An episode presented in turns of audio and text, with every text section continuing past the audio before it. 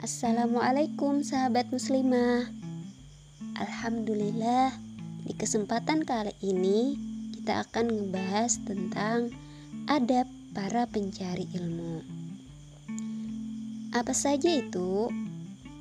Nah, sahabat muslimah Dalam menjalani kehidupan di dunia ini kita tidak bisa asal-asalan jika kehidupan kita ingin sukses dunia dan akhirat. Perlu adanya bekal dalam menjalani kehidupan ini. Salah satu bekalnya adalah ilmu, dan ilmu itu bisa diperoleh dengan proses belajar, baik secara formal maupun non-formal. Ilmu menjadi faktor yang penting karena ilmu adalah salah satu perantara untuk bertakwa. Dengan predikat takwa inilah manusia mendapatkan kedudukan mulia di sisi Allah. Karena yang dinilai oleh Allah bukan bagusnya rupa ataupun banyaknya harta, melainkan ketakwaannya.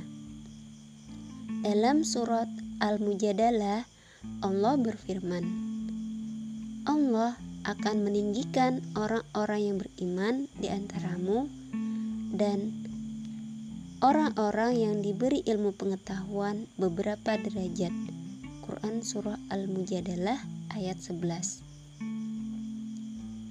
Rasulullah Shallallahu Alaihi Wasallam bersabda, Barang siapa yang menempuh suatu perjalanan dalam rangka untuk menuntut ilmu, maka Allah akan memudahkan baginya jalan ke surga. Tidaklah berkumpul satu kaum di salah satu masjid di antara masjid-masjid Allah, mereka membaca kitabullah serta saling mempelajarinya, kecuali akan turun kepada mereka ketenangan dan rahmat, serta diliputi oleh para malaikat. Allah menyebut-nyebut mereka di hadapan para malaikat Hadis riwayat Muslim. Muhammad bin Al-Hasan bin Abdullah dalam syairnya menyatakan bahwa belajarlah sebab ilmu adalah penghias bagi pemiliknya. Dia berlebihan dan pertanda segala pujian. Jadikan hari-harimu untuk menambah ilmu dan berenanglah di lautan ilmu yang berguna.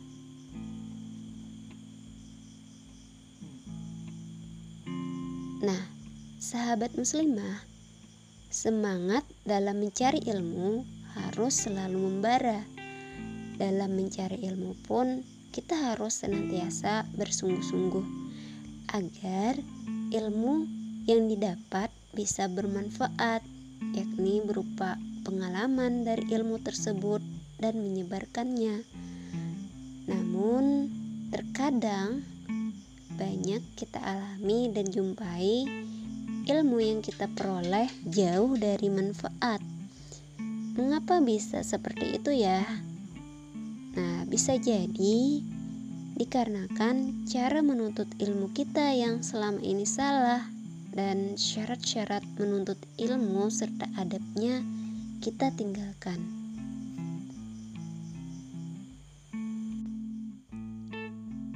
Oh ya, sahabat muslimah, ada beberapa hal nih yang perlu diperhatikan saat kita menuntut ilmu, yakni pertama, niat yang baik. Dari Umar radhiyallahu anhu Rasulullah Shallallahu Alaihi Wasallam bersabda, "Amal itu tergantung dari niatnya, dan seseorang mendapatkan sesuai dengan niatnya. Barang siapa yang hijrahnya kepada Allah dan Rasulnya, maka hijrahnya kepada Allah dan Rasulnya. Dan barang siapa hijrahnya karena dunia atau karena wanita yang hendak dinikahinya, maka hijrahnya sesuai ke mana ia hijrah. Hadis riwayat Bukhari dan Muslim. Kedua, sabar dan tabah dalam belajar. Sabar dan tabah adalah pangkal keutamaan dalam segala hal, tetapi jarang yang bisa melakukannya. Allah Subhanahu wa taala berfirman, "Dan sesungguhnya kami akan memberi balasan kepada orang-orang yang sabar dengan pahala yang lebih baik dari apa yang mereka kerjakan." Quran surah An-Nahl ayat 96. Jadi, sebaiknya para pelajar mempunyai hati yang tabah dan sabar dalam belajar kepada sang guru. Dalam mempelajari suatu kitab atau ilmu, jangan sampai kita tinggalkan sebelum sempurna kita pelajari. Dalam satu bidang ilmu juga jangan sampai berpindah bidang lain sebelum memahaminya secara menyeluruh dan juga dalam tempat belajar jangan sampai berpindah ke tempat lain kecuali karena terpaksa. Nah, kalau hal ini dilanggar dapat membuat urusan jadi kacau balau, hati tidak tenang, waktu pun terbuang dan bisa jadi melukai hati sang guru. Nah, jadi jangan sampai kita lakukan, oke? Okay? Ketiga, memuliakan ilmu dan guru. Nah, sahabat muslimah, seorang pelajar tidak akan memperoleh kesuksesan ilmu dan tidak pula ilmunya dapat bermanfaat selain jika mau mengagungkan ilmu sendiri, ahli ilmu dan menghormati keagungan gurunya.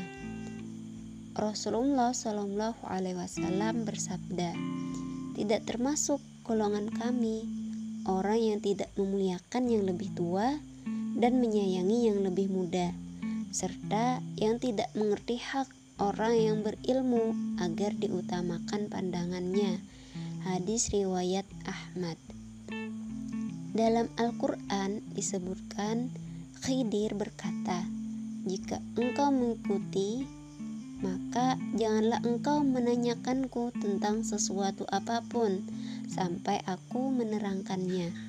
Quran Surah Al-Kahfi ayat 70 Diriwayatkan oleh Imam Al-Baihaqi rahimahullah Umar bin Al-Khattab radhiyallahu anhu mengatakan Awadullah kalian terhadap orang yang mengajari kalian.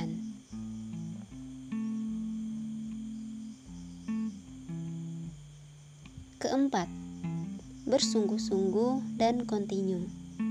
Pelajar harus bersungguh hati dalam belajar serta kontinu terus-menerus dalam menuntut ilmu. Allah Subhanahu wa taala berfirman, "Dan orang-orang yang mencari keredaan kami, niscaya kami tunjukkan mereka kepada jalan-jalan kami." Quran Surah Al-Ankabut ayat 69 Pepatah Arab juga mengatakan Menjeda wajada.